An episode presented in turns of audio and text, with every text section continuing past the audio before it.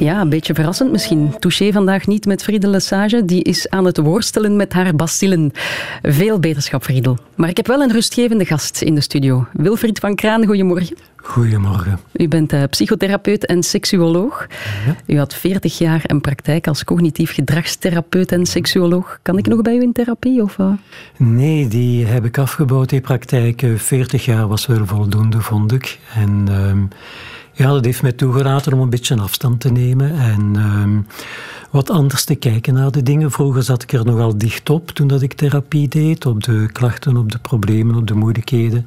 En nu door een beetje afstand te nemen, kon ik me focussen op iets anders. Niet zozeer op die klachten of problemen, maar eerder op de manier waarop dan mensen met hun klachten en hun problemen omgaan. Mhm. En dat was voor mij zeer leerrijk. Ik ben mijn uh, cliënten ontzettend dankbaar, want ik heb zeer veel van hen geleerd. Prachtig. Ja, u had nog geen zin om achterover te leunen, hè? want als ik uw agenda voor 2020 bekijk die is goed gevuld met cursussen, seminaries, um, lezingen. Die geeft cursussen mindfulness, stresshantering, assertiviteitstrainingen, leren ontspannen, beter slapen. En dan is er nog net een boek uit, je negentiende.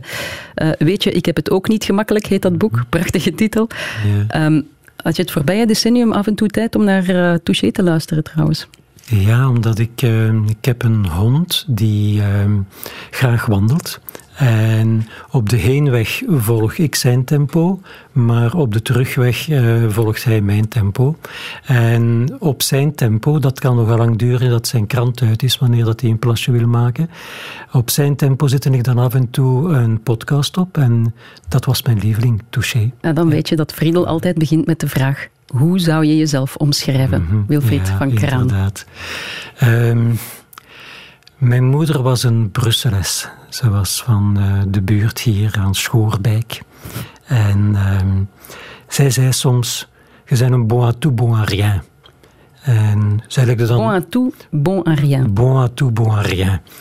En zij legde dan iets te veel naar mijn goesting op uh, die rien, meer het accent dan op die een bon, vond ik. Goed voor alles, goed voor niks. Voilà. En um, ik denk dat zij er ook niet echt naast zat, hoor. Um, ik ben eigenlijk niet iemand die echt uh, zich op één ding kan focussen met diepgang. Ik, ben, ik heb een ontzettende bewondering voor mensen die dat kunnen, die zo als wetenschapper of als kunstenaar alleen maar met één ding bezig zijn, daar ook ontzettend diep in gaan. Fantastisch. Dat zijn ook de mensen die echt vernieuwing brengen vaak. Maar dat is niet aan mij besteed. Ik ben een flodderaar, een fladderaar, uh, eerder gezegd. Ik hulpel En toch heeft u heel veel ervaring uh, opgebouwd hè, op verschillende gebieden. Dus, ja. dus dan hebben we veel om over te praten, hè, twee ja, uur lang. inderdaad. Um, u hebt u zelf ooit, ooit eens omschreven als een oude hippie. dat nog altijd op? Ja, ik weet niet of dat nog altijd opgaat, maar uh, er zijn wel bepaalde waarden die ik nog altijd heel hoog in het vaandel draag. Um, maar ja, ik ben ook geboren in uh, 1951 en in 68 was ik 17. Dus dat was fantastisch om dan op de Dam te gaan zitten en zo te doen naar elkaar. Piesteken. De Dam in uh, Amsterdam was uh, de koesterplek toen voor de hippies. Ja, ja dat is er nog altijd, zit er nog altijd een beetje in? Um, misschien dat contraire, ja. Ja. Hmm, een dwarse pacifist. Een dwarse pacifist, ja. ja. Men noemt u ook wel eens professor in de genotkunde. Oei, um, dat komt misschien omdat ik ooit een boek heb geschreven over het genieten. Ik werkte toen veel met mensen met burn-out en met stressklachten. Ik werkte toen samen met wat toen noemde het Instituut voor Stress en Werk van de KUL.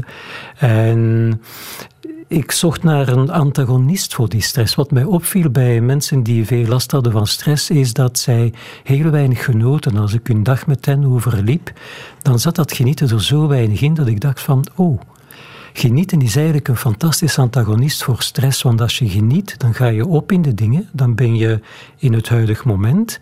En dat is een fantastische. Um, antagonist, een fantastisch um, tegenmiddel tegen de stress. Dus ik dacht, ik schrijf een boek over genieten. Want hoe komt het toch dat mensen zo weinig genieten? En, uh, maar dan moeten we gaan genieten en daar krijg ik dan meer stress van.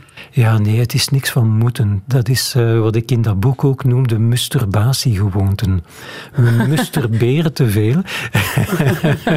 als seksuoloog sta ik er volledig achter dat we degelijk masturberen. Maar als psychotherapeut vind ik het niet zo leuk dat we te veel masturberen. En masturberen verwijst naar de moetens. Hè. We moeten zoveel. Um, terwijl dat, ja, als er iets moet en dat dreigt niet te gebeuren, bijvoorbeeld als ik nu vind van mezelf dat ik oh zo vlot moet zijn en dat ik me niet mag verspreken en dat ik vlot moet blijven praten, en de realiteit is anders. Ik uh, vind mijn woorden af en toe niet. Ik heb wat kribbel in mijn keel voor het moment.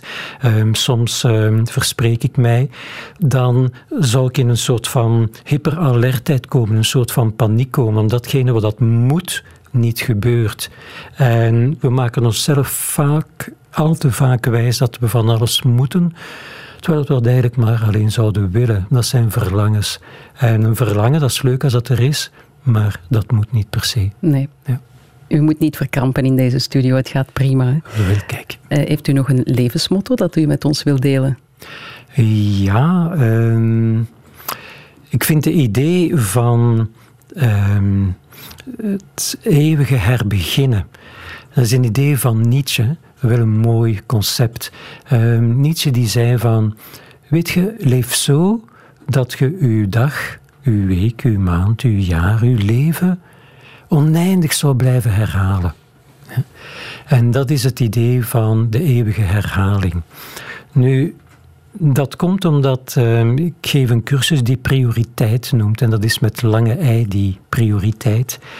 En dat is eigenlijk gegroeid vanuit die confrontatie met mensen met stress- en burn-out klachten. Dat als ik hem vroeg van wat is nu eigenlijk het voornaamste in uw leven? Wat uh, is het principalste, zou mijn moeder zeggen? Wat is datgene dat als je op het einde van de rit uh, bent en je kijkt in de achteruitspiegel, wat maakt dan dat je zegt van het is een goed leven geweest? En ik vroeg aan de mensen om dat te concretiseren. En dan vroeg ik hun agenda. En dan keken we samen wat dat die dingen, die prioriteiten zaten. En die waren dikwijls moeilijk te vinden.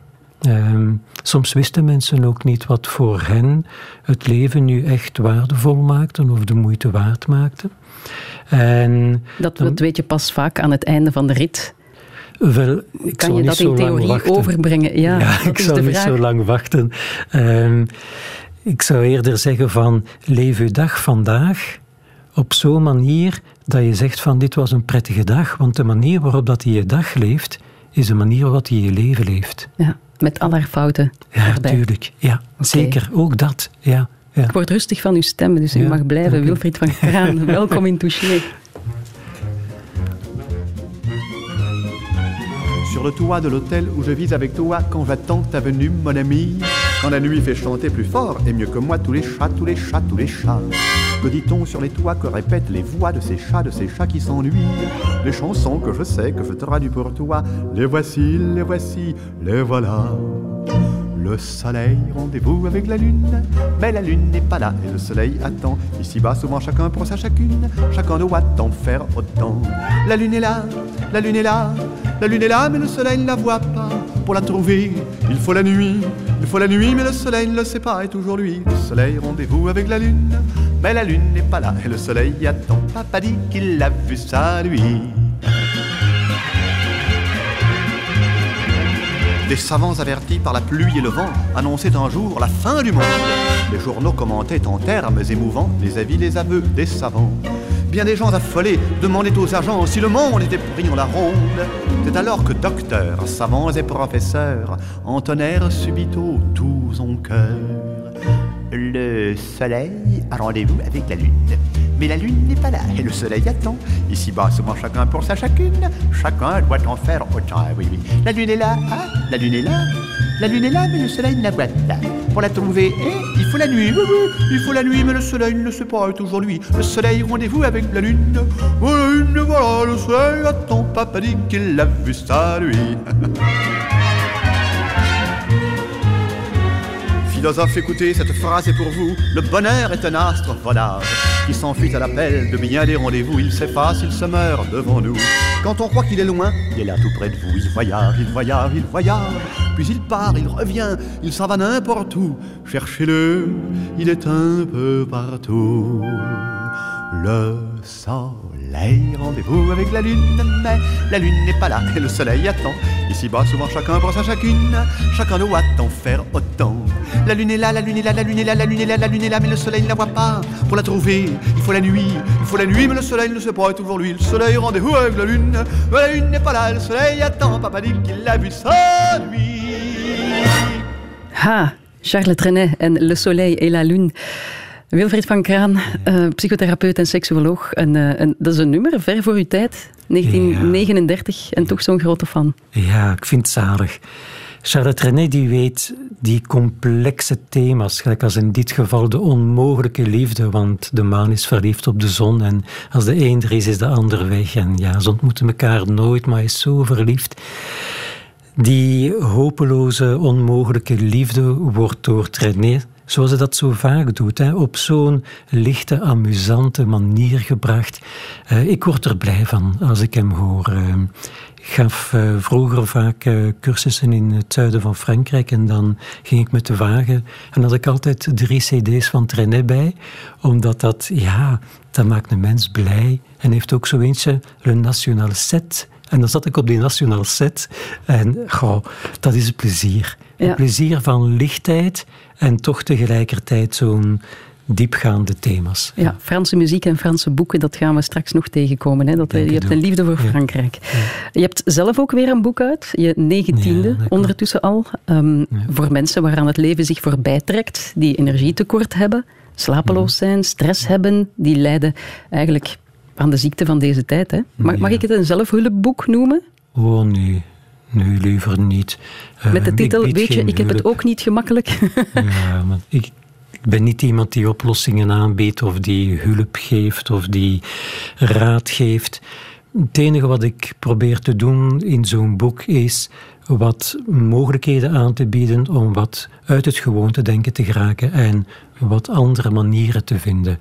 Het is er eigenlijk gekomen nadat ik gestopt was met mijn praktijk en dat ik mij meer begon te focussen over hoe dat mensen omgaan met hun moeilijkheden. En dan zag ik dat uh, mensen dikwijls de gewoonte hebben om altijd op dezelfde manier hun problemen aan te pakken, bijvoorbeeld door te piekeren. Er is niks fout met nadenken over de dingen, maar als het piekeren wordt, piekeren dat is gelijk als schommelen, je gaat heen en weer, maar je gaat niet vooruit. Dat piekeren dat laat mensen op met spanning.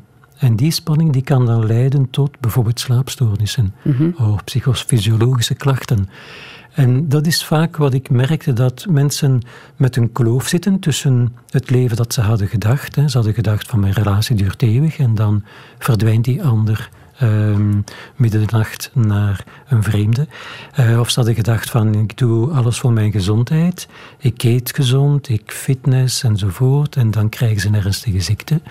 Of ze denken van ik zet me ontzettend in voor mijn werk, dus dat zal wel geapprecieerd worden en op een bepaald moment worden ze op een zijspoor gerangeerd. Mm, er is altijd wel een kloof tussen wat dan we verwachten van het leven uh, wat we redelijk vinden, wat we fijn rechtvaardig vinden, en de realiteit die vaak onvoorspelbaar is. Mm-hmm. en ja, want mensen, die eigenlijk helemaal geen tegenslag hebben, kunnen ook enorm piekeren. Ja, ja omdat ze eigenlijk altijd het gevoel hebben dat ze iets missen. Um, ze missen iets, ze weten niet goed wat, maar het leven als dat nu is, is toch niet als dat zou moeten zijn. En ze, ze missen iets van verbinding. En ik denk dat ze dan die digitale aderlatingen opzoeken, zoals ik dat wel eens noem, van op de sociale media te gaan, om toch nog die vorm van verbindingen, die meer verblindingen dan verbindingen zijn, denk mhm. ik, uh, te kunnen vinden. Maar uh, piekeren is een, een, zoektocht naar een oplossing. Ja, juist. Wanneer wordt, juist. Dat, wanneer wordt dat schadelijk? En kan je dat afleren? Wel, ik zou dan zeggen, denken is een manier van de kloof te dichten, hè, of proberen te dichten. Maar wanneer het piekeren wordt, dan ga je niet meer vooruit. Dat is niet meer probleemoplossend. Wanneer het pikkeren wordt, dan krijg je die secundaire klachten. Dan is dat een olievlek, probleem, dat zich begint uit te breiden in de relatie, op uw werk, kun je minder concentreren, op uw lichaam, je slaapt minder goed. En datgene wat je oorspronkelijk mee zat, breidt zich uit als een soort van olievlek. Mhm. En, je, je, geeft trainingen, hè? Uh, rust in je hoofd om dat, van dat gepieker af te geraken. en je grijpt daarvoor terug naar mindfulness en cognitieve therapie, iets waarin je je gespecialiseerd hebt. Mhm. Eh, hoe, hoe werkt zoiets? Hoe, kun, hoe kan je dat tegengaan dan? Ja, ja. Wel, het is niet zo eenvoudig om te zeggen, weet je, doe dit en dan pieker je niet meer. Zo eenvoudig is het niet. Um, mindfulness die zal eerder zeggen van, kijk, die gedachten dat je hebt in je hoofd, dat zijn geen feiten. Dat zijn maar constructies in je hoofd. Gedachten zijn geen realiteiten, zijn geen feiten. Terwijl dat wij dat dikwijls denken. Als ik nu uh, denk van, ja, ik ben hier aan het stuntelen, ik vind mijn woorden niet, ik ga als een gieter, dan moet ik leren dat dat maar gedachten zijn, geen realiteit is.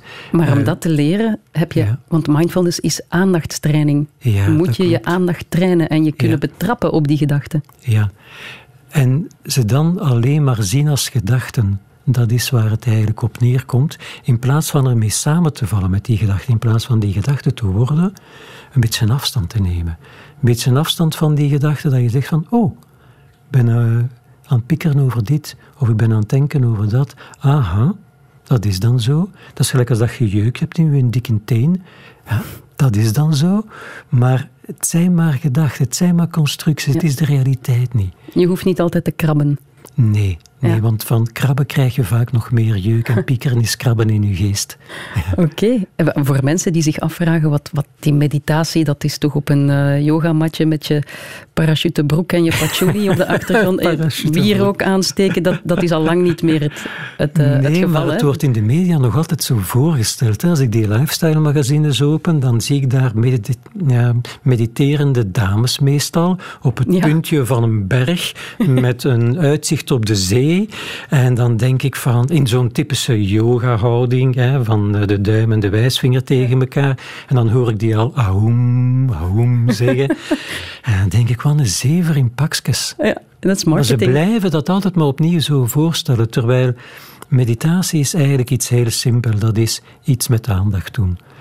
Dus je kan dat ook in je stoffige bureau, op je bureaustoel doen? Natuurlijk, natuurlijk. Je hebt eigenlijk twee vormen van meditaties. Je hebt formele meditaties, dan doe je dat op een wat gestructureerde, wat geritualiseerde manier. Zo'n ademmeditatie, een lichaamsmeditatie. Luisteren naar geluiden, dat soort van dingen. Maar je hebt ook informele vormen van meditatie. Dat betekent gewoon dat je iets met aandacht doet. Mhm. Eh, bijvoorbeeld met aandacht iets eten, met aandacht een slok water nemen, met aandacht praten op dit moment, ehm, met aandacht iets van je werk doen, met aandacht vrijen, met aandacht gewoon de, de gewone dingen van het leven af en toe met aandacht doen. En meditatie is gewoon landen in dat huidige moment. En waarom is dat belangrijk? Omdat daar het leven zich afspeelt, in het huidige moment. Het leven is nooit straks, Nooit gisteren, nooit morgen, nooit ernet, het is altijd nu.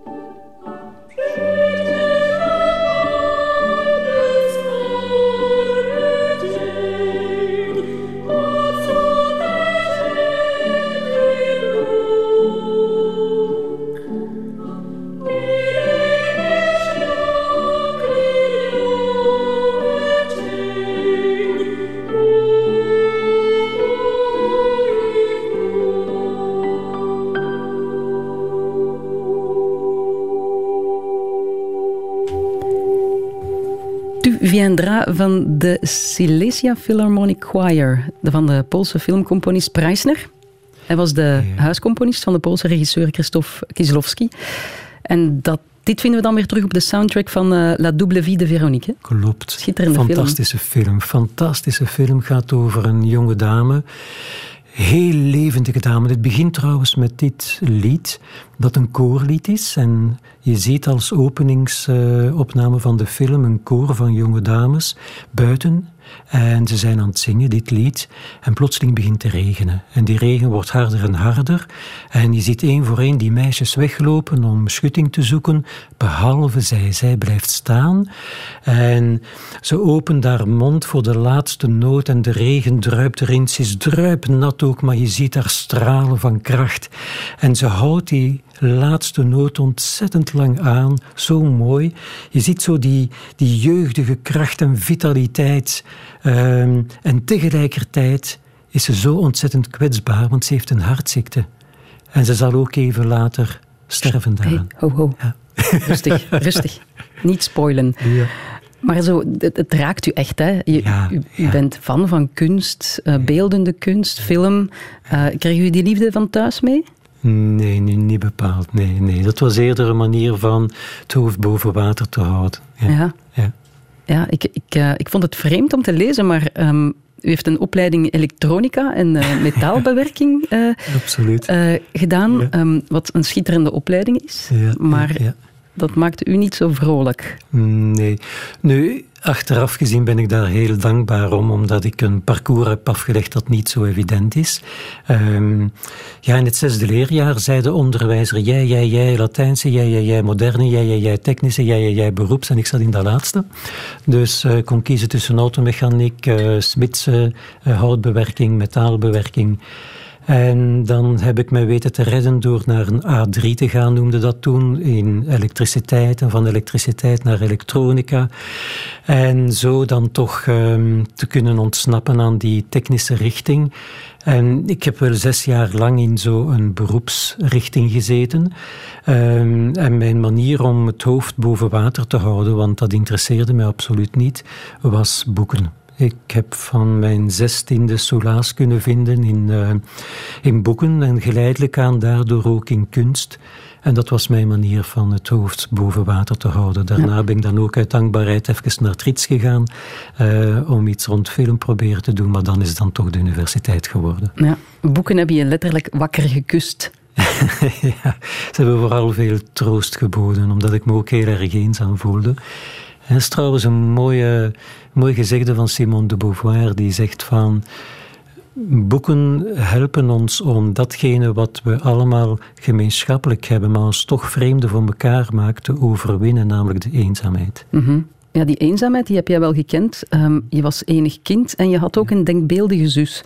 Ja, hoe weet je dat? Ja, kijk, het zijn gaven, meneer Van Kraan. Ja, ja, ja, ja, ja. Inderdaad. Frida is een vriendin van mij ondertussen. Ja? Nee, dat was, nee, nee, dat was uw denkbeeldige zus. Maar ja, hoe, hoe kom, die was wel heel reëel voor ik u. Was, um, ja, ik voelde mij nog eenzaam als uh, jongeman. Uh, helemaal alleen thuis in een omgeving die niet zo goed begreep waar ik mee bezig was.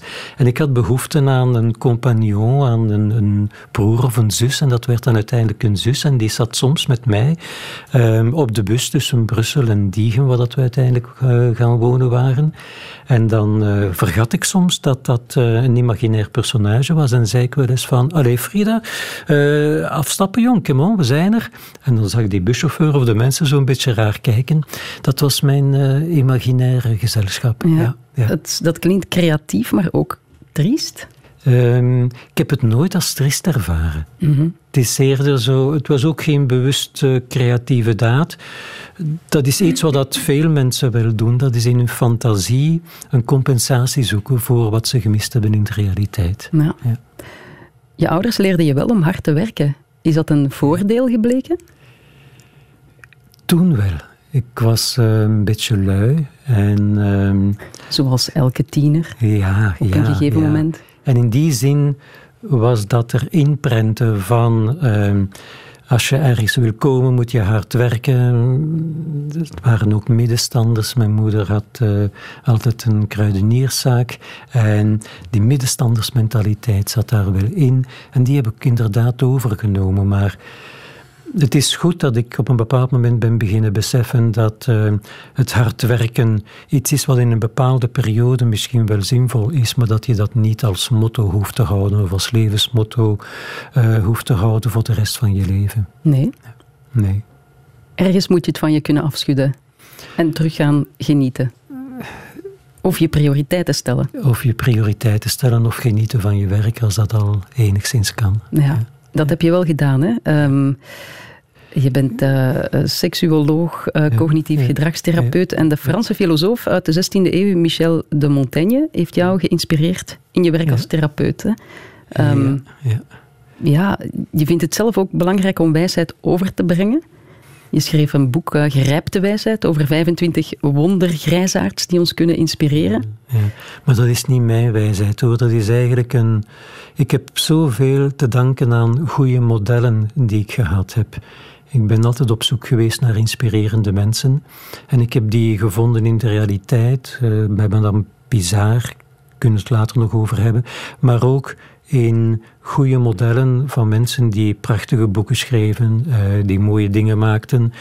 En ik dacht op een bepaald moment, ik heb nu dat voorrecht gehad om dat allemaal te kunnen vergaren. Ik geef dat graag door.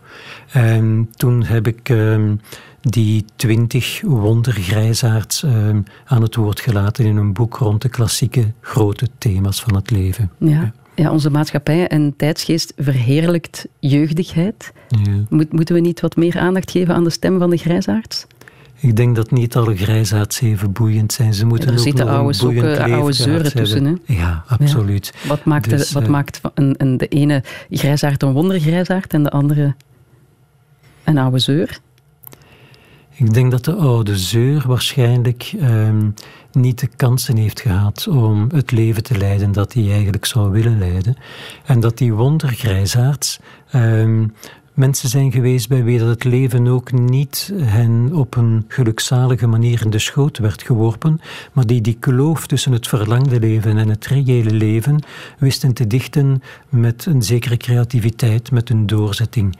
Um, ja, en jij hebt het leven wel kunnen vastgrijpen en uh, Dankzij vele anderen. Ik, ik ben gewoon een gelukskind in die zin.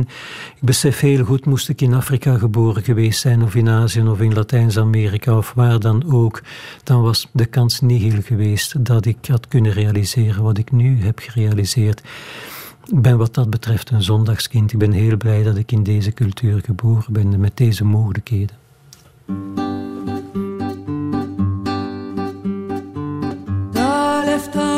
Όλα δίνω για ένα ταγκό.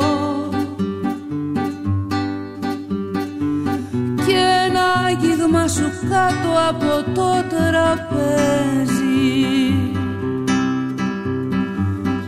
Αδιάφορα τριγύρω μου να κοιτώ.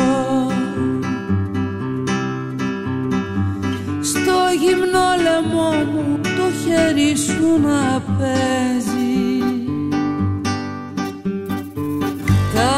λεφτά μου όλα δίνω για μια βραδιά. Για ρομαντικές φιγούρες πάνω στην πίστα.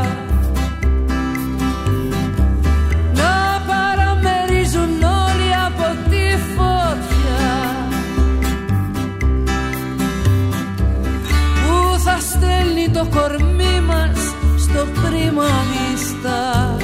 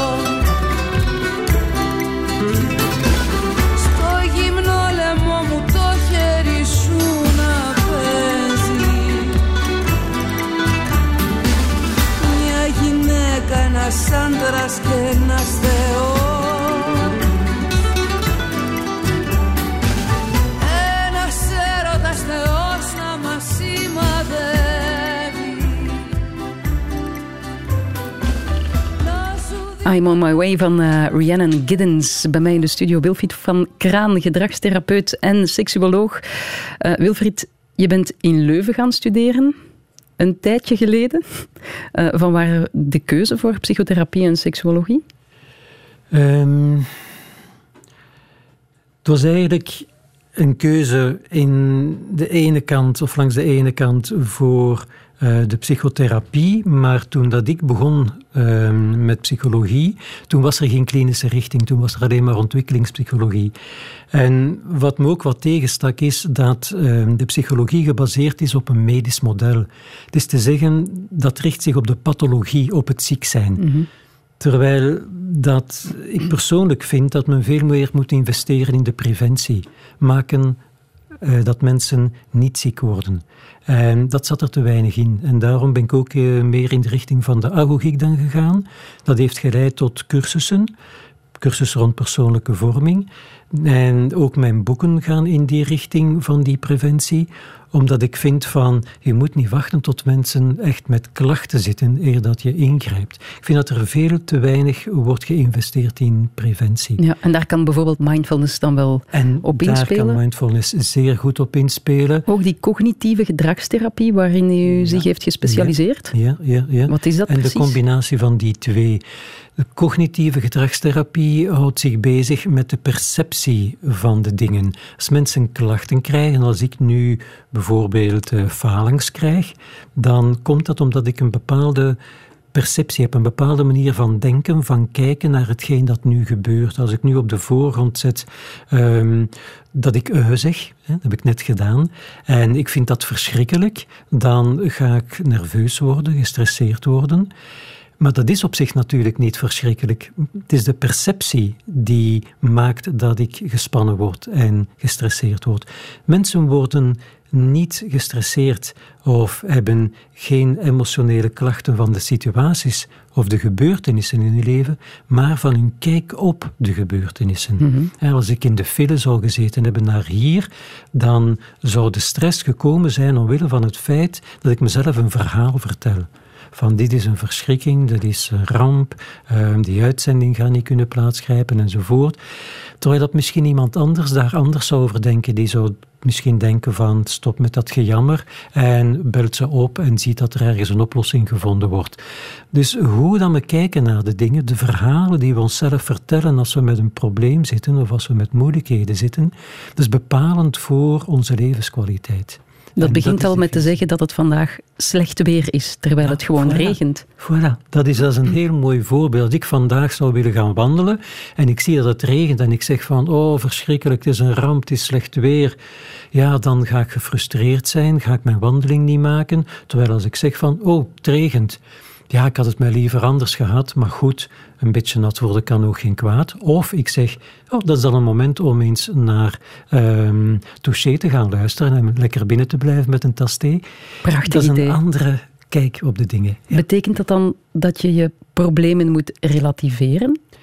Relativeren is misschien niet het juiste woord, maar vanuit een perspectief benaderen, dat leidt tot minder last. Ik ben daar nogal pragmatisch in. Hè. Ehm, het criterium is gewoon van hoe kan je kijken naar hetgeen dat gebeurt? Welk verhaal kan je jezelf vertellen, opdat je minder last zou hebben? Maar last zal er wel altijd zijn. Ja. Ja. Heel veel mensen hebben nog een doodsangst voor therapie of vinden het bullshit, om het zo te zeggen. Jij zegt wel van, het is altijd op basis van wetenschap voor jou, hè? Op, op Ja. basis van Onderzoek. onderzoek. Je zegt, mijn, de literatuur is mijn rechterhand en dan is wetenschap mijn linkerhand. Dat is, dat is voor jou heel erg handen, belangrijk. ja. Ja, dat klopt. Ehm, kijk, er bestaat zoveel in de hulpverlening. En ik denk een goed criterium is, om te kijken of dat die benaderingen evidence-based zijn. Dat betekent dat er effectonderzoek gedaan wordt. Dat men een groep die die ene benadering krijgt, vergeleken wordt met een behandelgroep die die benadering niet krijgt. En dat men dan wetenschappelijk onderzoekt of dat die benadering een meerwaarde heeft. Dus dat is ook de kracht geweest, zowel van de cognitieve gedragstherapie, die dat zeer vaak doen, effectonderzoek, als van mindfulness. John Kabat-Zinn was degene die mindfulness geïntroduceerd heeft in de medische wereld en in het wetenschappelijke. En hij heeft van in het begin altijd evidence-based onderzoek gedaan, waardoor dat hij ook ingang vond in het academisch milieu en het universitair milieu. En ik vind wel dat je aandacht moet besteden, ook in psychotherapie, aan evidence-based onderzoek, aan degelijk wetenschappelijk onderzoek. Wat vind je van mensen die zeggen, ik los mijn problemen wel zelf op, ik denk dat ik dat beter kan? Is fantastisch. Oké. Ja. Kijk alleen naar de uitkomst. Als je. If you always do what you always did, you will always get what you always got. Ik kan het alleen maar zo met zijn Texaans accentje zeggen. Ik denk dat mensen gewoontedieren zijn die vaak dezelfde probleemoplossing blijven herhalen. Ja. En ja, het is aan de mensen zelf om na te gaan: ga ik vooruit? Eh, is er verandering in het spel? Of trappel ik ter plaatse? Blijf ik zitten in dezelfde patronen? Ja, Ja. U bent ook seksuoloog geweest. ja, ja. Ehm, als ik even scroll door uw indrukwekkende biografie van eh, 19 boeken, eh, dan zie ik staan... Daar, Kleintjes bij ze. Ja, ja, maar boeken zijn boeken. Seks zonder stress voor mannen zie ik staan. Seks zonder stress voor vrouwen. Nu, als er over één ding veel gelogen wordt, dan is het wel seks. Hè? Er bestaan ook heel veel mythes Ja. rond seks. Ja, inderdaad. En je mag ook niet vergeten, seksualiteit is ook altijd geschreven geweest door mannen. En het is pas heel recent dat die mythevorming, die eigenlijk ook het gevolg is van het feit dat alle wetenschappers die met seks bezig waren, dat het allemaal mannen waren. Het is pas heel recent dat dat doorbroken werd door een Nederlandse seksuologe Ellen Laan, die juist met onderzoek aantoonde dat de ideeën dat we hadden over anorgasmie bijvoorbeeld, ehm, dus het moeilijk kunnen Over krijgen wat? van anorgasmie, het moeilijk kunnen krijgen van orgasmes, ehm, dat die ideeën die tot dan toe golden, dat die eigenlijk eh, absoluut niet klopten met de realiteit, omdat zij dat onderzocht bij vrouwen die bijvoorbeeld keken naar ehm, erotische films en die moesten rapporteren hoe opgewonden dat ze waren, maar tegelijkertijd werd er een pletismograaf, dat is een toestelletje dat in de vagina eh, wordt aangebracht en die de doorbloeding kan meten. Dat een beetje de analogie is voor een erectie bij een man. En kan men zien wat er seksuele opwinding is. En zij kwam bijvoorbeeld tot de constatatie dat vrouwen vaak niet goed wisten hoe dat zij tot opwinding moesten komen. Ehm, hoe dat zij een orgasme konden uitlokken. Ehm, en dat komt, denk ik, omdat die seksualiteit toch altijd geschreven en gecommentarieerd is geweest door mannen. Hm. Betekent dan dat wij anno 2019 nog altijd te weinig communiceren tussen de lakens? Wordt er nog altijd te weinig aangegeven wat je wel en niet graag hebt? Ja, en ook dat je het zelf moet gaan uitzoeken. Dat je ook die durf moet hebben om zelf uit te zoeken, want wat is fijn voor mij? Want dat is misschien niet wat dat aangegeven wordt door de literatuur of door de boekjes van wat dat fijn zou moeten zijn. Mhm. Wees eigenzinnig in uw zoektocht. Mm Een van de um, problemen waar seksuologen vaak uh, patiënten of, of hoe zeg je dat, klanten voor cliënten, over, ik cliënten ja, ja. voor onder, over de vloer krijgen, is um, wat met de begeerte. Hè? Je, die, die, neemt af als je een tijdje samen bent. Ja. Zoals de bekende Belgische seksuoloog in New York, uh, Esther Perel, zegt, het is moeilijk te verlangen naar wat elke dag in je bed ligt. Absoluut, ja. Nu, verminderd verlangen of geen verlangen kan twee redenen hebben. Ofwel is het een seksueel probleem, ofwel is het een relatieprobleem. Soms kan het zijn dat het een relatieprobleem is omdat de ene meer wil en de ander minder wil. En degene die meer wil, beschouwt de ander die minder wil vaak als het probleemgeval. Uh, maar dat is eigenlijk een relatieprobleem. Er is niet zoiets als de juiste standaard, de juiste mate waarin dat je zin zou moeten hebben. Ofwel is het een seksueel probleem, en dan betekent het dat die persoon zegt van, goh, ik zou zelf wel meer willen, maar het wordt afgeremd. En dan moeten we gaan kijken waar dat die remmingen zitten. Misschien te veel spanning, misschien bepaalde opvattingen, schaamte, weet ik wat allemaal. Maar wat u zegt uh, klopt helemaal. Je verlangt niet naar datgene wat al zo lang naast je is. Dus wat koppels vaak doen, is op zo'n moment net het foute probleemoplossend gedrag toepassen. Bijvoorbeeld degene die vindt dat hij tekortgeschoten blijft, hè, dat er te weinig gebeurt, die gaat trekken.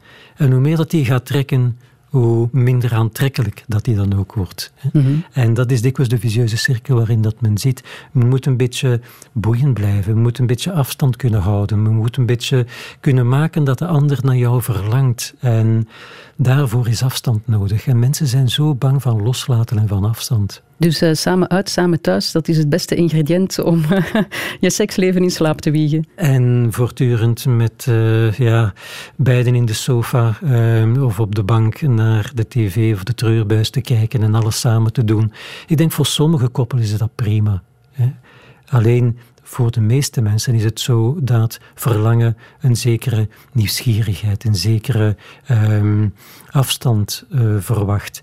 Als je een partner hebt die boeiend is en waarvan dat je denkt van, goh, ja, ik wou dat ze er was vanavond hè, en ik wou dat, uh, dat we samen dingen konden doen. Dat is iets helemaal anders dan wanneer die naast jou hangt.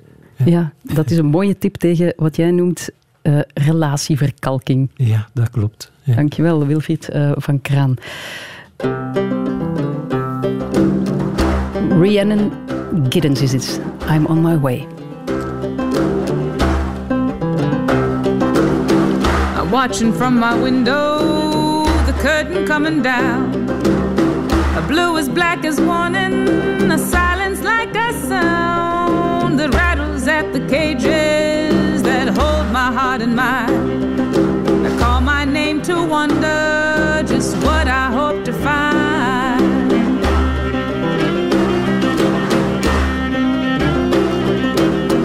A bird so high above the fray, what should he mean to me? His crooked song gone crazy, the swaying arms of trees that wave to me like the hungry waiting for the tide. My tipping boat still hoping I might reach the other side.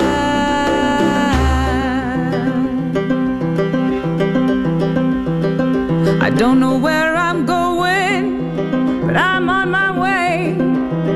Lord, if you love me, keep me, I pray.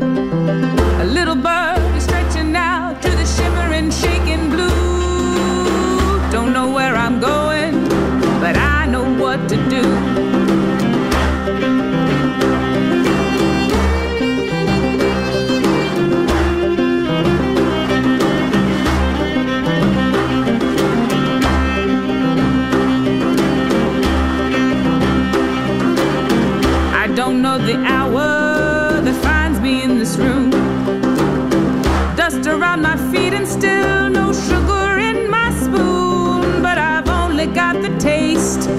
Something sweet as time.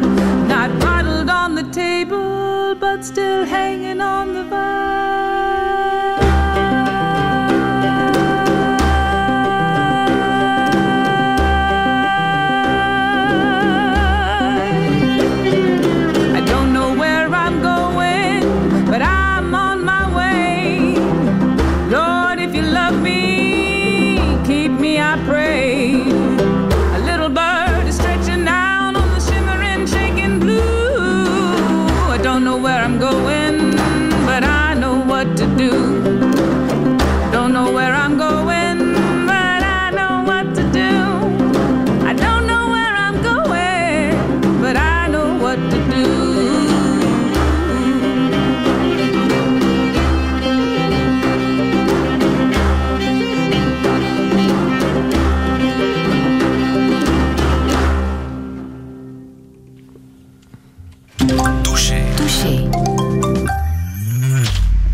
Vandaag met eh, Wilfried van Kraan, seksuoloog en ehm, cognitief rela- eh, gedragstherapeut.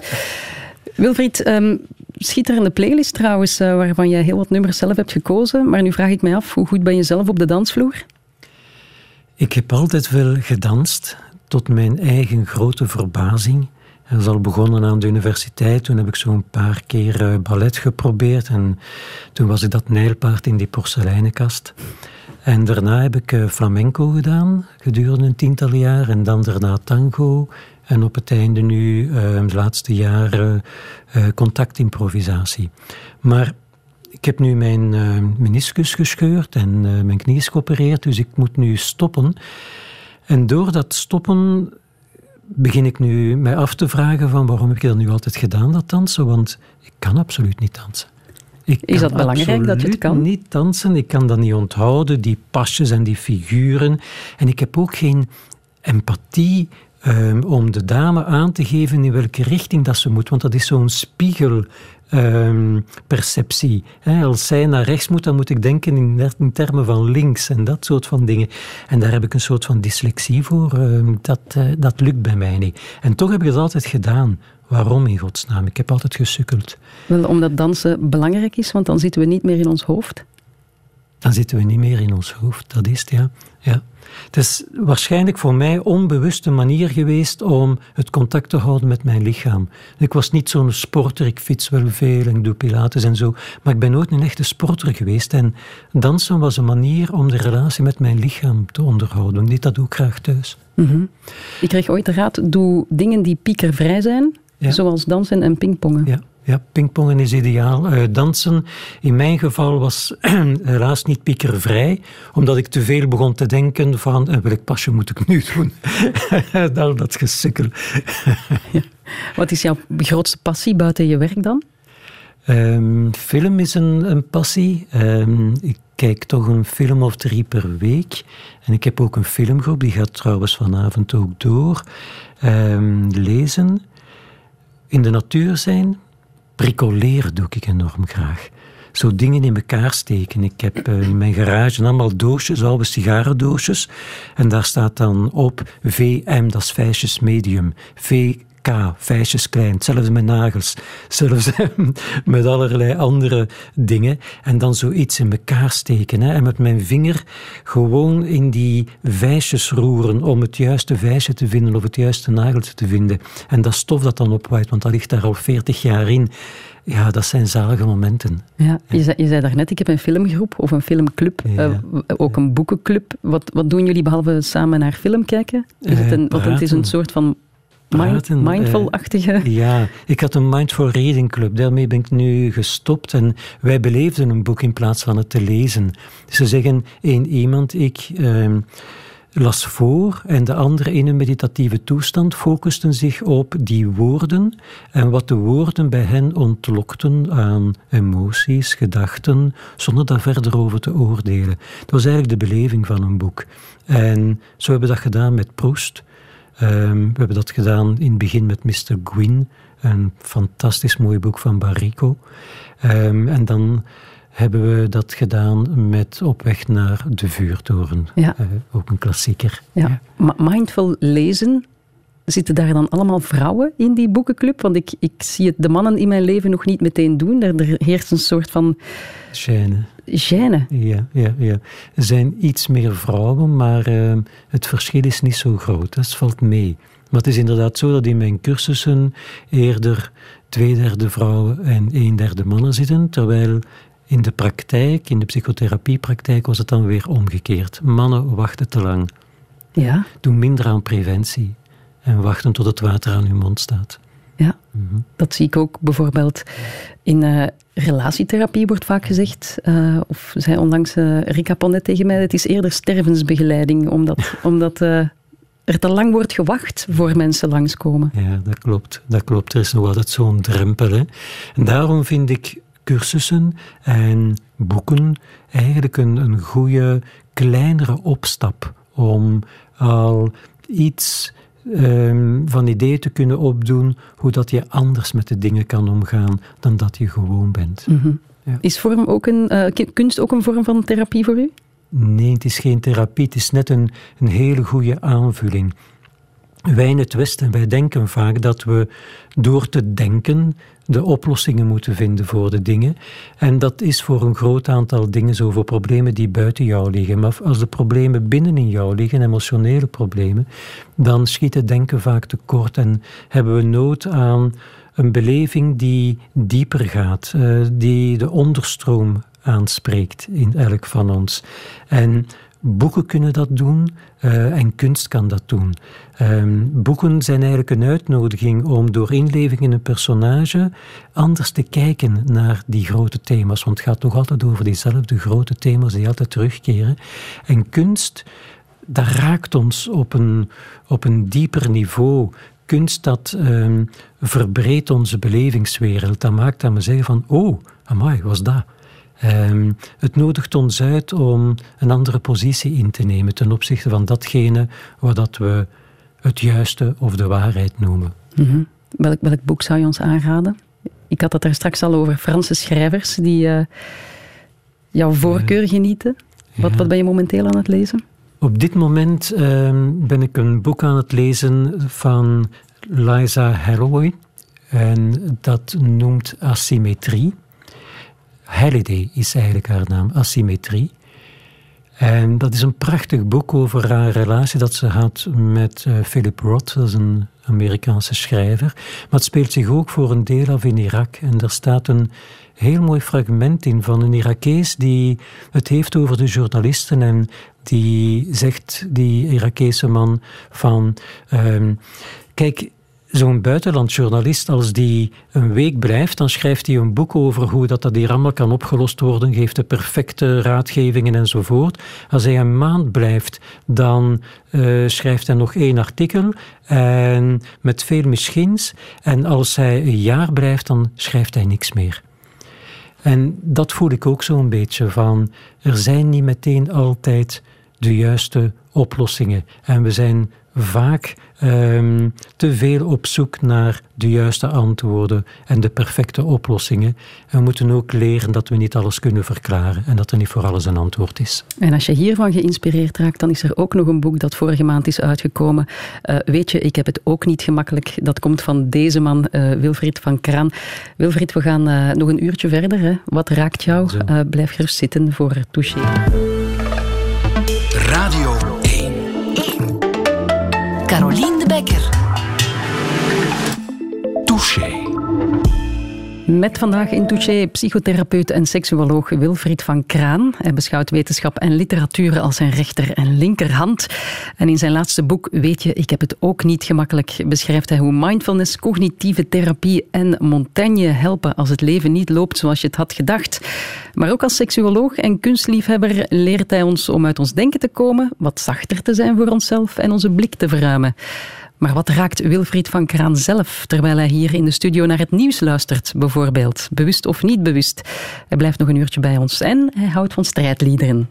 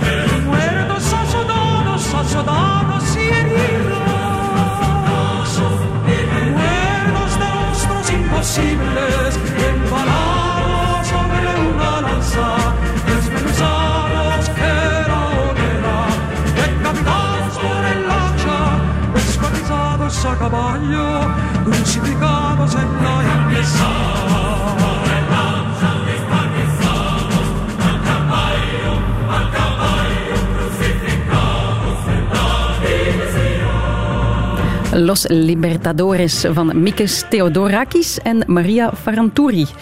Daar heb ik bijna op moeten studeren. Maar Mikis uh, Theodorakis, dat is uh, de componist van Zorba de Griek. Dat klopt. En ja. die heeft ook heel wat protestliederen uh, gemaakt. zoals deze bijvoorbeeld. Speelt zich af in de periode van het kolonelsregime in Griekenland. En Theodorakis en ook Farandouri, die zijn geliefde zangeres was, um, konden massa's op de been brengen. Uh, speelden vaak in arenas of in voetbalstadions. Um, en het was een muziek die ik uh, veel beluisterde toen dat ik uh, als jonge man, toen ik aan de universiteit zat, bij het antifascistisch front zat. En, als jonge hippie eigenlijk. Als jonge hippie. En uh, ja, we voerden nogal veel actie. En die actie werd dan dikwijls ondersteund door dit soort van uh, muziek. Hè? Ja. En ik mis dat een beetje, dit soort van muziek uh, tegenwoordig. Uh, er zijn zoveel moedige mensen en bewegingen die opkomen voor zaken zoals het klimaat. En ik, ik wou dat ik die mensen op een of andere manier ehm, zou kunnen steunen met iets dat hun draagkracht kan verhogen. Hm. En dan denk ik, muziek kan dat misschien. Um, Misschien brengt Anuna de Wever nog wel een plaat uit. Uh, wie weet, ik zie het wel eens gebeuren. Ja, ja, ja, ja, ja. ja. Maar ik vind het zo fantastisch dat er zo mensen zijn die nog een onvoorstelbaar krachtig engagement hebben. En we moeten die mensen op alle mogelijke manieren steunen. En muziek is daar misschien eentje van. Oproep aan onze muzikanten dan. Ja, ja Eh, want iedereen is te veel met zijn eigen dingetje bezig. Hmm. Ja. Wilfried van, Ka- van Kraan in de studio, hè, gedragstherapeut, ehm, gespecialiseerd in mindfulness. Hoe mindful kan je blijven als je naar het nieuws kijkt of luistert? Wel, je weet vanuit mindfulness dat alles perceptie is. En dat is ook hetgeen dat die cognitieve psychologie vertelt. Ehm, ten eerste, het nieuws is voornamelijk slecht nieuws. Hè. Dus dat is ook alweer een selectieve perceptie. Men gaat meestal de dingen vertellen die eh, dramatisch zijn, terwijl het er ook heel veel goed gaat. Horen we weinig over. Dus het is een vorm van selectieve perceptie. Het draait meestal rond ons eigen eendevijvertje. Terwijl dat er zoveel drastisch gebeurt als we wat breder kijken, de wereld in bedoel ik. Ehm, dus ja, Be- Bedoel je dan een, een te grote focus op het Westen of het Midden-Oosten? en op onze eigen Vlaamse eendevijvertjes. Ja. Mm. Ja. Ja. Iets waar jij het ook moeilijk mee hebt, is eh, de gejaagdheid die door de media sijpelt. Eh, Uw woorden, sommige presentatoren lijken te ademen met hun achterwerk. Moeten we op mindfulness komen bij u? Het valt mij op hoe weinig dat men aandacht besteedt in de media aan modelgedrag. En men ziet ehm, in de lifestyle magazines altijd gelukkige, stralende mensen staan. En op de radio en op tv zie je van die supervlotte mensen in tv-programma's, in praatprogramma's. Extravert, leuk, tof om te zien. En die stralen allemaal. En dan kan ik me voorstellen van, ja, ik, straal vaak niet. En ik zou me dan kunnen afvragen van, is er iets fout met mij? Want zij zijn de norm. En ik denk dat mensen zich nogal eens de vraag kunnen stellen van, er klopt iets niet met mij, want ik ben niet zo leuk, ik ben niet zo extravert, ik ben niet zo tof, rad van tong enzovoort. En ik denk dat de media zich veel te weinig bewust zijn van het feit dat ze een modelgedrag promoten dat niet klopt met de realiteit. En op die manier mensen eigenlijk frustraties aanpraten. En dat ligt ook bijvoorbeeld in dat tempo. Eh, Sommige presentatoren, wat er nu op radio of op tv is, die praten inderdaad zo gejaagd, alsof het de tijd en op de hielen zit de ganse tijd. Ehm, maar maar een beetje rustiger ook, vind ik. Ja. Het zijpelt ook binnen in eh, kinderprogramma's. Ik weet niet of je naar de, ja, de begingeneriek van Carolientje met haar bootje hebt gekeken. Dat duurde de volle drie minuten. Ja. Tegenwoordig is het heel erg flitsend, snel. Is het waar? Ja, Ah, het ja. gaat, eh, Ja. alsmaar, als, alles gaat alsmaar sneller. Ja, Is dat een probleem? Ik denk dat het een probleem is. Kijk, deze uitzending neemt twee uur. Dat is fantastisch. Ik ben jullie daar ontzettend dankbaar voor dat jullie die moed hebben om die diepgang te kunnen toelaten door tijd te nemen. Je kunt geen diepgang toelaten door tijd te nemen, als je geen tijd neemt. Dus fantastisch dat jullie dat doen, maar jullie zijn die grote zeldzaamheid. Er is nog Elvis blijft bestaan, er zijn nog zomergasten en dat is het. Buiten touché. En al de rest is gejakker. Je Eh, ziet ook het consumptiegedrag van min 40-jarigen. Ze gaan op zoek naar snelle media. Ja. Alles moet alsmaar sneller. En je kan daarvoor kiezen. Als je daarvoor kiest, is dat oké. Maar als dat de enige realiteit is waarin dat je zit, en als je nog amper tijd hebt om te ademen, dan is er iets wat niet klopt. En ik vind media hebben ook een verantwoordelijkheid om wat in te gaan tegen die heersende cultuur van de gejaagdheid. Een grote hit op de Scandinavische tv. Een camera in de trein zetten, bij de conducteur en meereizen. Ah ja, ja. En dat is het. Ja, ja, ja, ja, ja. Kan me dat Heel van- erg populair. Ik kan me dat zeer goed voorstellen. In Parijs was er ook zo een metro die reed naar ehm, de bibliotheek. En dat was zonder bestuurder. En dan kon je zo vooraan gaan zitten. En dan word je opgeslorpt door het landschap en door hetgeen dat gebeurt. Fantastisch is dat. Hè? Ja.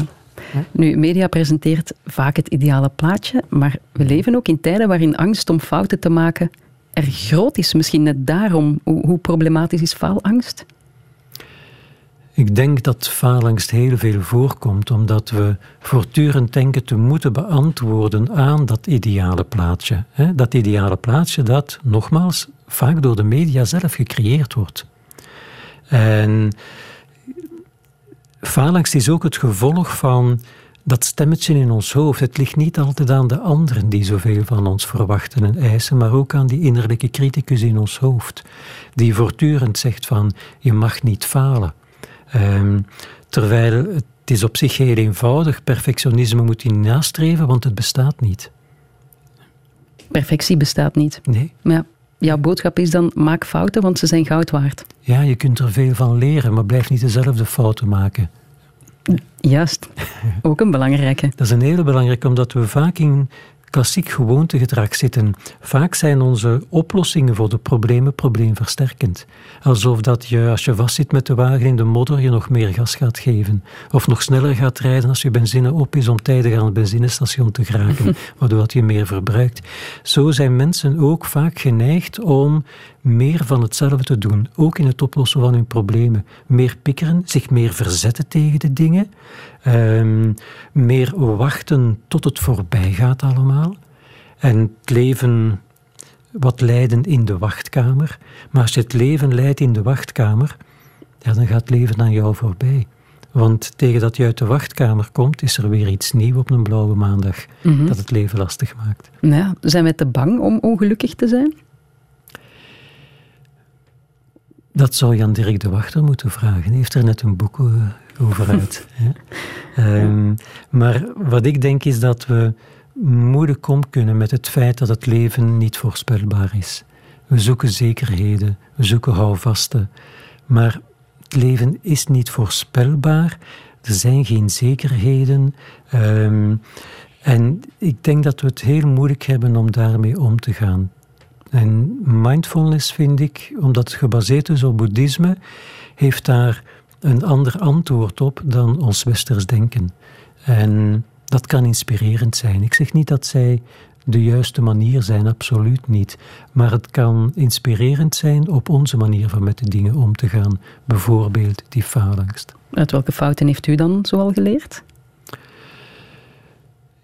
Door te veel in mijn hoofd te zitten. Een van de dingen die ik mij de laatste jaren pas heb gerealiseerd is dat ik mijn lichaam te veel verwaarloosd heb. En als ik rondom mij kijk, dan zie ik dat vaker gebeuren. Dat mensen wachten tot het lichaam u lam ligt, of totdat het lichaam ernstig protesteert eer dat we bereid zijn om tot veranderingen te komen.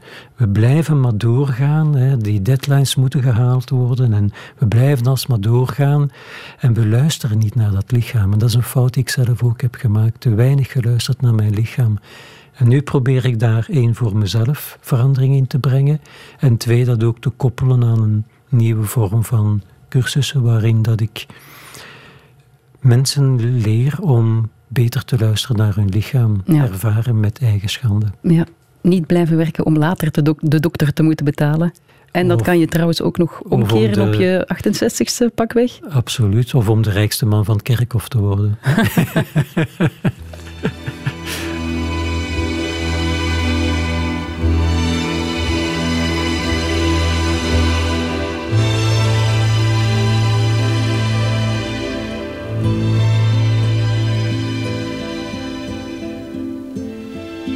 T'avais les mains comme des raquettes, pépé. Et quand je te faisais les ongles, je voyais des fleurs dans ta barbiche. T'avais les oreilles de Gainsbourg, mais toi, t'avais pas besoin de scotch pour les replier la nuit. Tandis que lui, ben oui.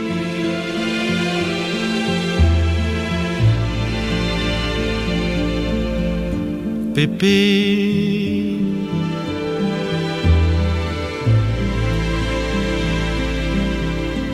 Pépé.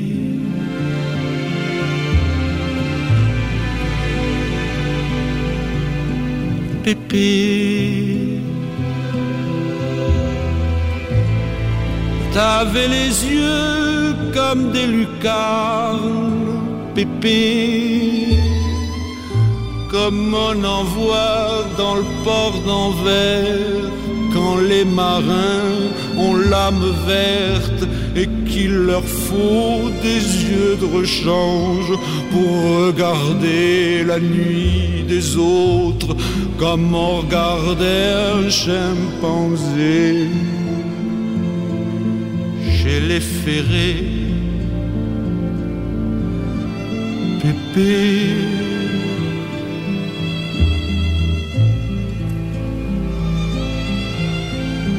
Pépé.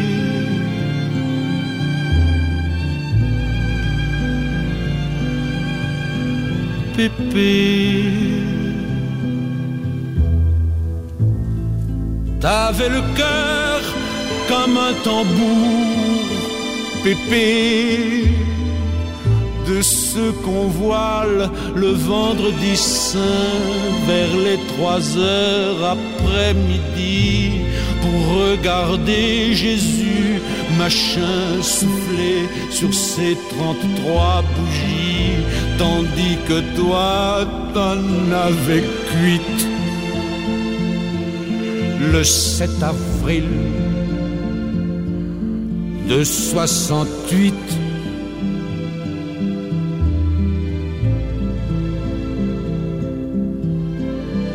Pépé.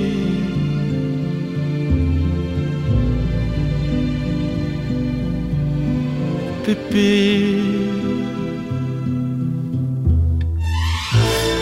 Je voudrais avoir les mains de la mort, Pépé. Et puis les yeux, et puis le cœur, m'en venir coucher chez toi. Ça changerait rien à mon décor. On couche toujours avec des morts. On couche toujours avec des morts. On couche toujours avec des morts. On couche toujours avec des morts.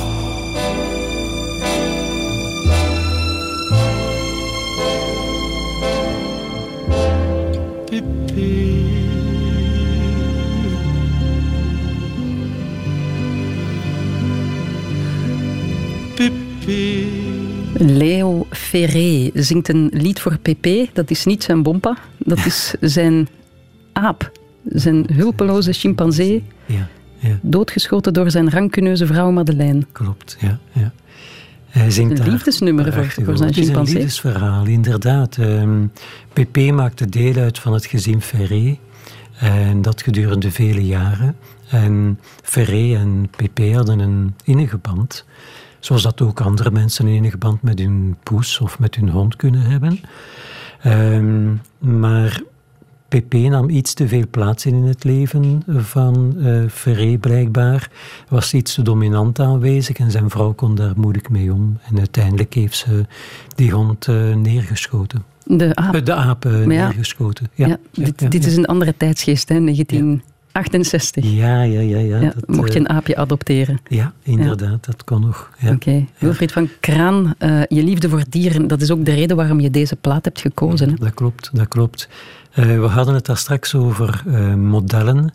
En ik denk dat dieren ook heel goede modellen zijn. Kan- Rolmodellen voor de mens. Ja, rolmodellen. Ik kan me ook geen betere mindfulness trainer inbeelden dan eh, een hond hè, of een poes. Ehm, mijn hond heeft trouwens ook een boek geschreven, zag mij ook altijd bezig. En ehm wou dat nadoen. En die heeft dan een boek geschreven over hoe dat zij kijken naar mensen en wat zij kunnen betekenen voor mensen. Eh, Liefde tot op het bot noemt het boek. En ehm, ik heb zelf altijd honden gehad, eh, ook poezen. En het lijkt wel alsof dat een liefde voor een, een dier is, een onvoorwaardelijke liefde langs beide kanten. Je verwacht ook niet zoveel van een hond of van een kat. Die mogen er gewoon zijn. En zij zijn altijd goed gezind als jij er bent. Ze stellen geen voorwaarden. Hè? Of dat je nu in pyjama rondloopt, of dat je nu opgekleed bent, of dat je nu geschminkt bent, eh, een beetje visgezind of wat dan ook. Zijn altijd blij. Dat is een onvoorwaardelijke liefde. Um, honden misschien wel, maar katten, katten dat is een andere zaak, een andere verhaal misschien. Maar bij honden heb je dat zeker. Mm ja, ja, Kattenliefhebbers zouden een een hond van gebrek aan ruggengraat kunnen beschuldigen. Hè? Je, je, mag hem als een hond behandelen en blijft jou graag zien. Ja, ja, dat is inderdaad zo. En ik denk dat ehm, ja, honden. Ik, ik ben geen kattenexpert, hè, maar honden zijn eigenlijk heel gemakkelijk gelukkig. Als mensen mij vragen van ehm, wat is geluk, dan zeg ik ga een keer naar de zee en kijk naar het strand. Die honden die daar rondlopen, die zijn zo gelukkig, zo content. Dat is heel simpel. Aan het strand zijn, aan de zee zijn met het baasje. Mhm. Meer moet er niet zijn. En bestaat de overdrijving ook? Hè? Mensen die aan hun dier te veel menselijke eigenschappen ja, dat, zo begint mijn boek ook. Hè. Dat noemt men antropomorfisme. Dat betekent dat men inderdaad menselijke eigenschappen projecteert op dat dier. En dat men dan um, zo'n hondje ook een petje opzet en, en kousen aantrekt en een strikje in doet. En um, spreekt van uh, een angststoornis en een depressie en, en slaapproblemen. Dat is verschrikkelijk om van dieren mensen te willen maken. Laat ze net alsjeblieft degene zijn die nooit verstoten geweest zijn uit het aardsparadijs, nooit in de appel hebben gebeten, dieren. En ze mogen, in, ze mogen buiten slapen of in de garage, maar niet bij jou in bed? Nee, niet. Je hebt ook meegeholpen aan het opstarten van een uh, hondenadoptiecafé in Gent. Dat bestaat. Ja, ja, dat uh, gaat nu binnenkort open gaan. Uh, dat noemt Dogs and Drinks. En de bedoeling is dat je daar iets kan komen drinken en dat er daar een paar honden aanwezig zijn. En dat je kan geleidelijk aan contact leggen met zo'n dier en eens kijken of dat, uh, dat het klikt tussen jullie beiden. En over een langere termijn eventueel overwegen om zo'n dier te adopteren. Mm, Oké. Het is een café. Ja. Je zou zelfs een vereniging willen oprichten ter bevrijding van insecten. Uh, hier ben je me even kwijt, Wilfried. Ja, wel, um, het is misschien een dada van mij, maar um, ik kan het niet aanzien dat uh, vliegen of andere insecten binnen altijd tegen die ruit bonken. En ik kan het ook niet aanzien dat uh, ik heb in mijn tuin veel waterbakken staan, omdat ik probeer zoveel mogelijk water te vergaren en zo min mogelijk water te verbruiken. Heb ik grote containers staan.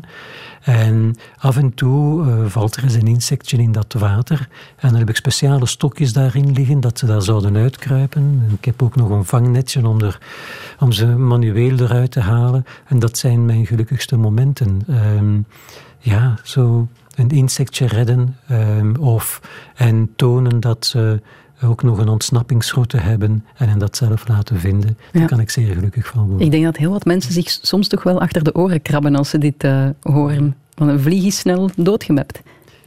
Helaas, helaas, ja. Maar ook dat weer heeft met uh, mindfulness te maken, met boeddhisme te maken. Is het respect voor het leven. Mm -hmm. En een vlieg is voor mij heeft voor mij evenveel recht op een leven als een mens, uiteraard. Even naar je tuin, want je hebt jaren geleden een sabbatjaar genomen om te genieten van je tuin, de mhm. natuur, je vrienden. Ja. Kon je afkicken van onrust? Nee. Um, de eerste twee, drie weken was dat fantastisch. Hè? Um, maar dan, na een tijdje, begon het te kriebelen weer. Moest ik nuttig bezig zijn. Dat was, ja, die zaadjes die mijn ouders in mij hebben geplant, of tenminste mijn moeder, van je moet altijd wel nuttig bezig zijn. En toen heb ik een oplossing gevonden door uh, veel in de tuin te werken, uh, grote verplantingen te doen enzovoort, en in de ochtend een boek te schrijven. En op die manier was ik dan toch net uh, net genoeg nuttig bezig om voor de rest gewoon de dingen op mij af te laten komen. Maar ik vond die periode zeer stresserend. Ja, ja ik vraag het aan u als therapeut. Hebben wij als mens toch niet wat wrijving nodig om het lichtje te, te doen branden? Tuurlijk, tuurlijk. Alleen is het zo, het gaat om evenwicht. Tussen opladen en ontladen. En ja, alles is evenwicht. Ergens in mijn straat woont een man die niet meer praat.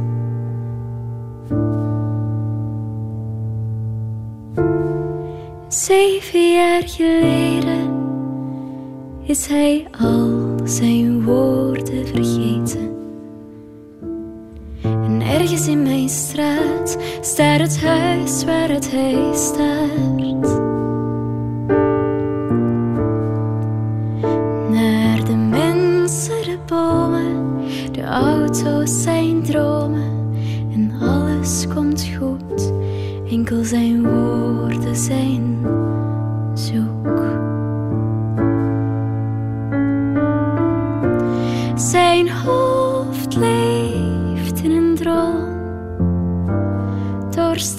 zo verstroomd. Zijn hart gaat flink tekeer, maar zijn hersens willen niet meer. Zijn hart gaat flink tekeer, maar zijn hersens willen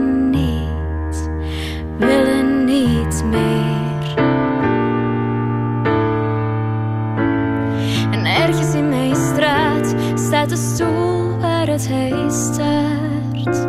Sinds zeven jaar geleden zijn benen ook versleten. En in die stoel daar slaapt een man zodat het kraakt. In zijn hoofd, zijn benen, zijn armen, zijn tenen. En ergens in mijn straat haalt een man zichzelf in slaap.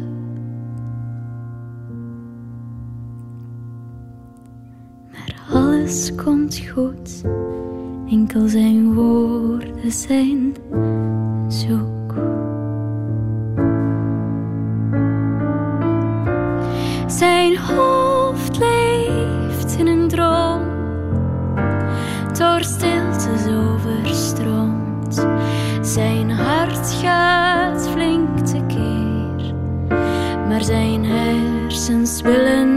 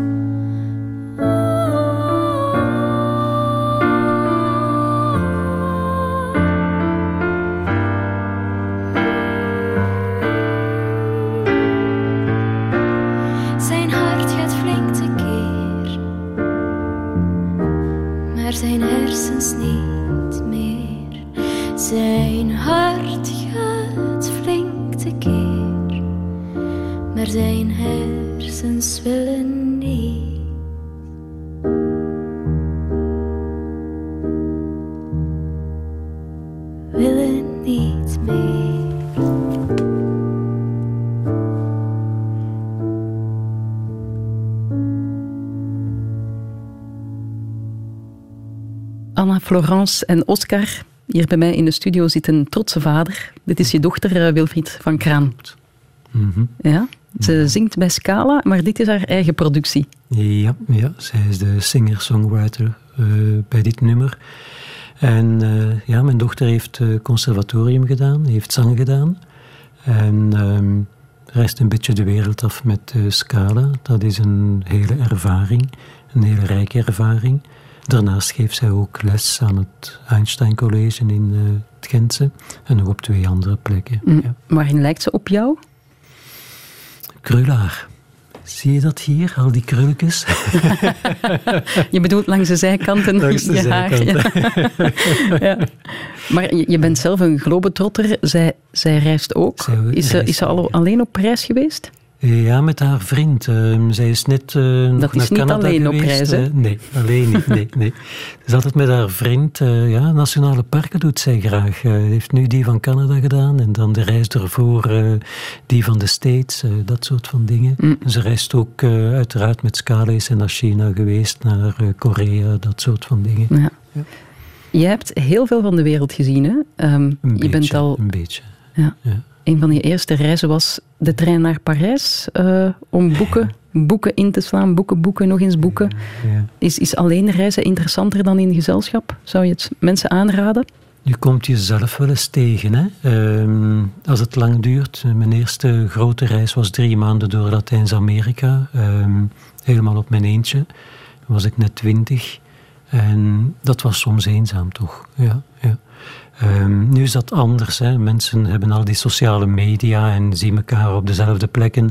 Toen was dat wat anders, maar het heeft ook het grote voordeel dat wanneer je alleen bent, dat je meer open staat voor hetgeen dat zich aandient. Of wat dat nu contacten zijn met mensen, of landschappen, of eh, dingen die je meemaakt. Terwijl als je met twee bent of met een groepje bent, dan blijf je wat meer gesloten, denk ik. Ja, klopt. Mhm. Welke ontmoetingen heb jij zoal gehad? De boeiendste ontmoeting is met eh, Madame Bizarre, noemde zij, maar ik noemde haar Madame Bizarre. Ehm, het was een dame die uit Brusselse kwam. En toen dat ze op pensioen ging, was ze naar ehm, Zuid-Frankrijk gegaan.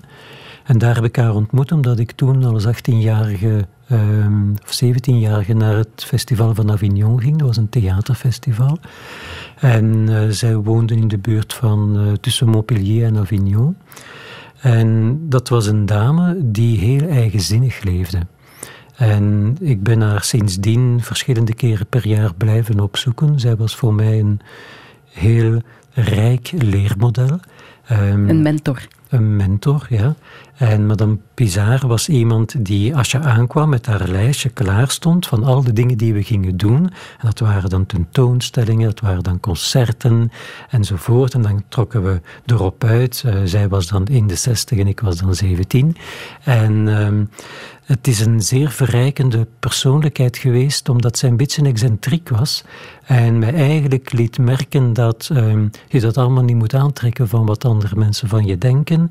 En dat je met cultuur, in de zin van boeken, muziek, ehm, theater, voorstellingen, eh, film, dat je daar een heel rijk leven mee kunt opbouwen. En dat je nooit eenzaam hoeft te zijn als je met een goed boek gaat slapen. Mhm.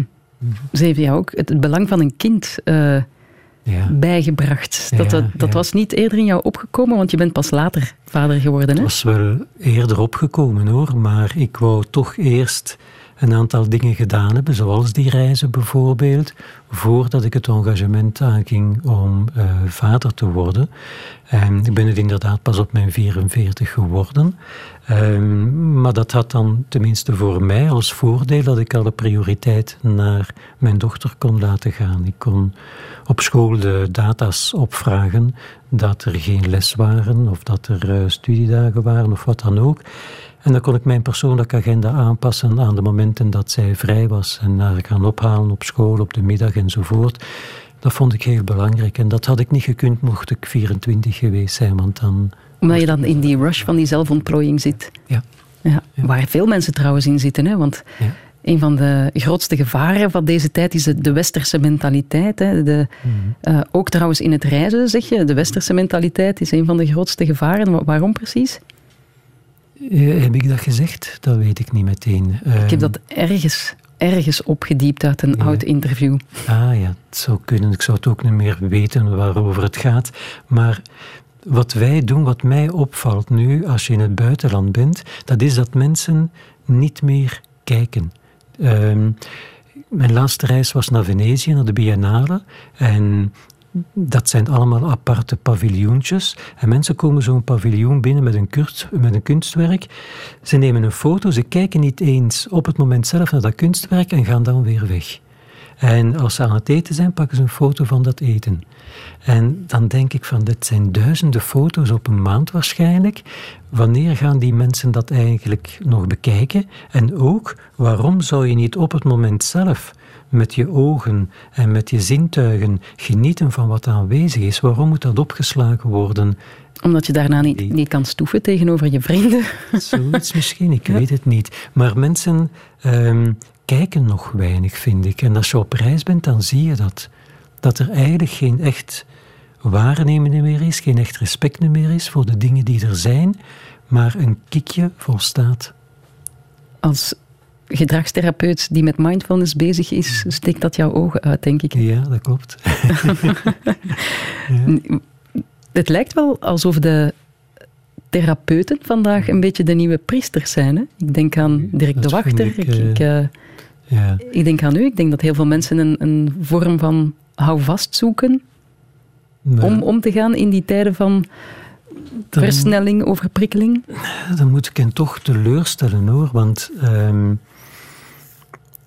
vroeger was ik een veel beter therapeut bijvoorbeeld dan nu. En dat komt omdat um, als je een bepaalde benadering voorstaat, bijvoorbeeld gedragstherapie, of ik heb ook psychoanalyse gedaan, systeemdenken zijn andere benaderingen, dan ben je daar heel enthousiast over en dan denk je dat je met die benadering die problemen kunt oplossen. En dat enthousiasme, die overtuigingskracht, dat zijn de non-specifieke factoren in veranderingsprocessen. Dat betekent dat mensen ook veranderen omwille van die factoren en niet alleen omwille van wat eigen is aan die therapeutische methode. En het is pas na een tijdje dat je dan begint te merken van, oh, maar de realiteit is veel complexer. Um, ik geraak er niet met dat therapeutisch referentiekader of met die methodiek om de complexiteit te vatten van de dingen. En dan verlaat je dat voor een ander referentiekader of een andere vorm van therapie, maar dan kom je hetzelfde liedje tegen. En hoe ouder dat ik word, hoe meer dat ik besef dat ik eigenlijk heel weinig weet. En ik vind het heel frappant, maar ik zou nu een, een, veel slechtere therapeut zijn, omdat ik niet meer die overtuiging en dat enthousiasme heb van we gaan dat hier een keer oplossen. Mm. Maar stel, dus, je dochter zegt, papa, ik denk dat ik toch eens naar een therapeut moet. Ja. Ik zou, je dan zeker aanraden. Ja, ik zou het daar zeker aanraden, maar ik zou ook aanraden om daarnaast goede boeken te lezen. Um, om ernaast open te staan voor de eigen ervaring door veel uh, te reizen, om inspirerende mensen te leren kennen, uh, waarvan dat ze kan leren, om open te staan voor films, voor kunst, waarin dat je merkt hoe dat in zo'n film of in zo'n boek een personage ook met die dingen geconfronteerd wordt, maar op een andere manier ermee omgaat, zodat er een verbreding is van je perspectief op de mogelijkheden die je hebt om met de dingen om te gaan. Ja, omdat iedereen struggelt op een bepaald moment in zijn leven. Maar dat is ook des mensen. En we hoeven ons niet altijd te verzetten tegen de dingen die we tegenkomen die onaangenaam zijn. Dat is weer die invalshoek van die mindfulness. We zijn vaak in het verzet, maar ik zeg dan dikwijls van stel je voor, het is oorlog en niemand gaat er naartoe. Dicen que por las noches no más se le iba en puro llorar Dicen que no comía, más se le iba en puro tomar. Juran que el mismo cielo se estremecía al oír su llanto. Cómo sufría por ella, que hasta en su muerte la fue llamando.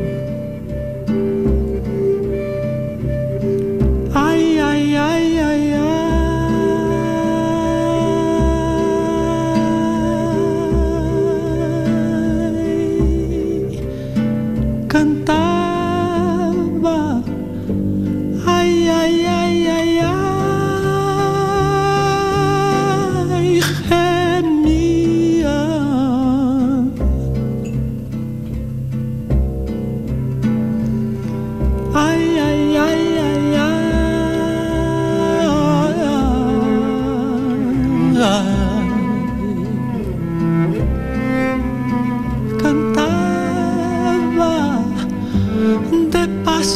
inmortal María.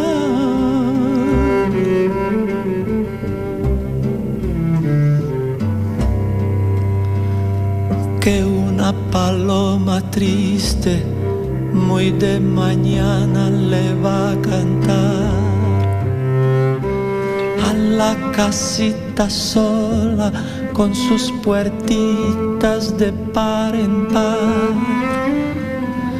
Juran que esa paloma no es otra cosa más que su alma que todavía la espera a que regrese la desdichada.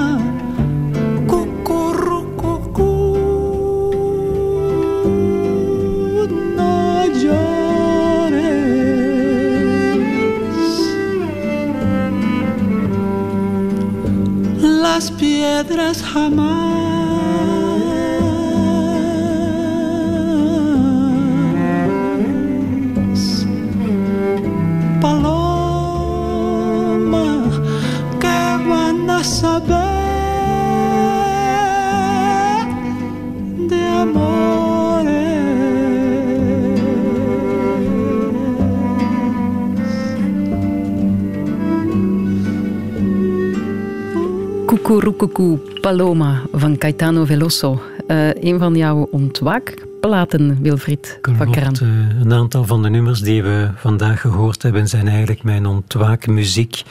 Um, ja, dit komt uit uh, de film Habla con ella van ja. Almodovar. En dat is een prachtige cd, een prachtige muziek van Iglesias is de componist. En daar ben ik een tiental jaar mee wakker geworden, niet specifiek met dit nummer. Ik dacht eigenlijk een ander nummer te nemen, zo'n typisch Spaans uh, nummer. Maar uh, toen dat ik dan de cd opnieuw beluisterde, was een poosje geleden, toen werd ik zo sterk ontroerd door dit nummer. En ik herinner me ook nog zeer goed uh, hoe dat uh, Gaetano Veloso dat bracht. Hij brengt dat ook live in die film. Uh, het is een hele mooie man ook om naar te kijken, vind ik. En hij zingt op een simpel krukje, in een hele mooie rechte zithouding. Maar je ziet zo die beleving. Um, die man die volledig opgaat in wat hij op dat moment aan het doen is, aan het zingen is. Ik vind trouwens altijd mensen die opgaan in iets, dat zijn mooie mensen. Mm -hmm. ja. Ik zie het bij jou ook gebeuren. Dat is mooi om te zien. Okay. Ja, de fonkel in de ogen op je 68ste. Hoe, hoe voelt het om ouder te worden, uh, de 70 te naderen? Is, is dat een fijn gevoel? Nee, ik zou dat geen fijn gevoel noemen, maar Montaigne, mijn uh, lievelingsfilosoof, die ook de gids is in het boek, die heeft mij daar heel wat uh, troost in gebracht. Um, of een andere kijk, je hoeft dat niet eens troost te noemen. Hij zegt van, goh, de dood dat is niet zoiets wat dat plotseling gebeurt. Eigenlijk, vanaf uw twintigste ongeveer, begin je al geleidelijk aan te decomposeren. En hij haalt daarbij een anekdote aan van zijn tante die uitviel. Niet omdat die tante trot was, maar gewoon omdat hij zijn tijd had gehad. En hij zegt van, kijk, ik ben nu veertig, die een tante die valt hieruit. Maar er zijn nog andere dingen die aan het uitvallen zijn. De bepaalde gewrichten doen het niet meer zo goed. En bij mij valt mijn haar uit. En uh, mijn meniscus is er ook uit. En heel geleidelijk aan ontvallen we aan onszelf. En ik vind dat eigenlijk een heel fijn beeld, hoe dat ik heel geleidelijk aan aan het decomposeren ben. Dat zijn nog eens al eens, al eens woorden hè, in de tijden van botox en plastische chirurgie. ja. ja, Michel de Montaigne is een van jouw... Uh, ja ja. Mentors eigenlijk wel, hè? Rolmodellen. Ja, dat komt ook vaak terug in, uh, in jouw uh, boeken. Mm -hmm. um, je werkt ondertussen ook wel aan een hommage van uh, John Berger, de Engelse schilder, schrijver en kunstcriticus. Wat, wat Mhm. heeft hij met jou gedaan? Um, die heeft mij veel inspiratie gegeven en um, het is een man, het is ook weer een hele mooie man, vind ik. het is een man die zoveel prachtige thema's heeft aangehaald. Uh, ook veel geschreven heeft over migratie, maar ook over kunst. En ik zie hem ook graag bezig zijn. Een aantal YouTube-interviews met hem. En hij heeft me zoveel gegeven. Ik heb al zijn boeken gelezen, dat ik dacht, ik wil iets terugdoen nu dat hij overleden is. En een van zijn boeken noemt This is Where We Meet. En dat gaat over verschillende steden, waar dat hij een imaginaire ontmoeting heeft. Bijvoorbeeld in Lissabon zit hij in een park en er komt een dame naar hem toe en dat is zijn moeder. Maar zijn moeder is al lang overleden. En hij heeft een gesprek met zijn moeder. En zo zijn er een zestal steden en ik ben één voor één die steden gaan afdoen voor een ontmoeting met hem op diezelfde plek. Ah, mooi. Nu, hij vond het ook vreselijk dat kunst zo elitair werd gemaakt. Ja, hè? En ja. dat, zei de, dat zei dan in de jaren zeventig. Ja. Gaan we nog altijd te bekakt om met kunst?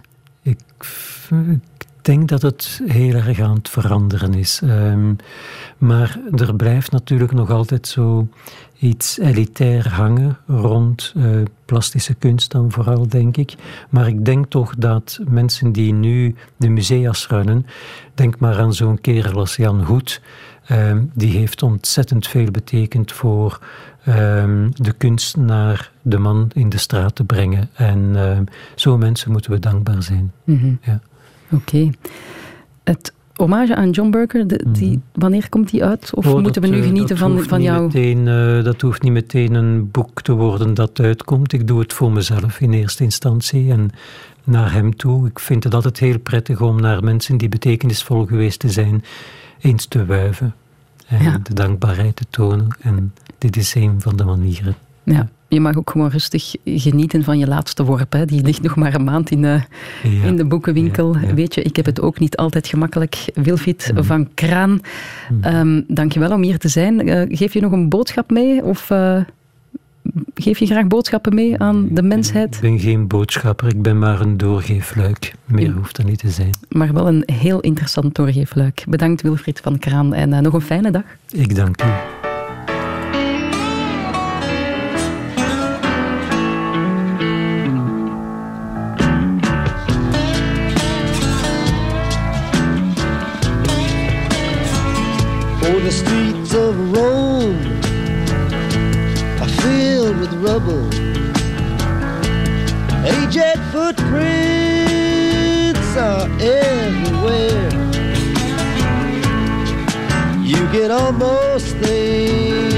you're seeing double on a cold, dark night on the Spanish stage. Got to hurry on back to my hotel room Where I've got me a date with Botticelli's niece Yup, she promised that she'd be right there with me. When I paid my masterpiece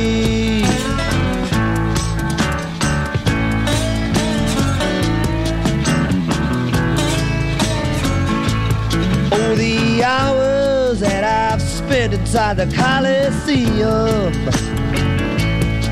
dodging lions and wasting time. Those mighty kings of the jungle, I could hardly stand to see them. Yes, it sure has been a long, hard climb. Train wheels running through the back of my memory. As the daylight hours do increase.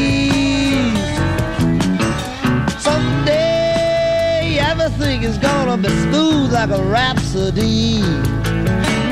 When I paint my masterpiece.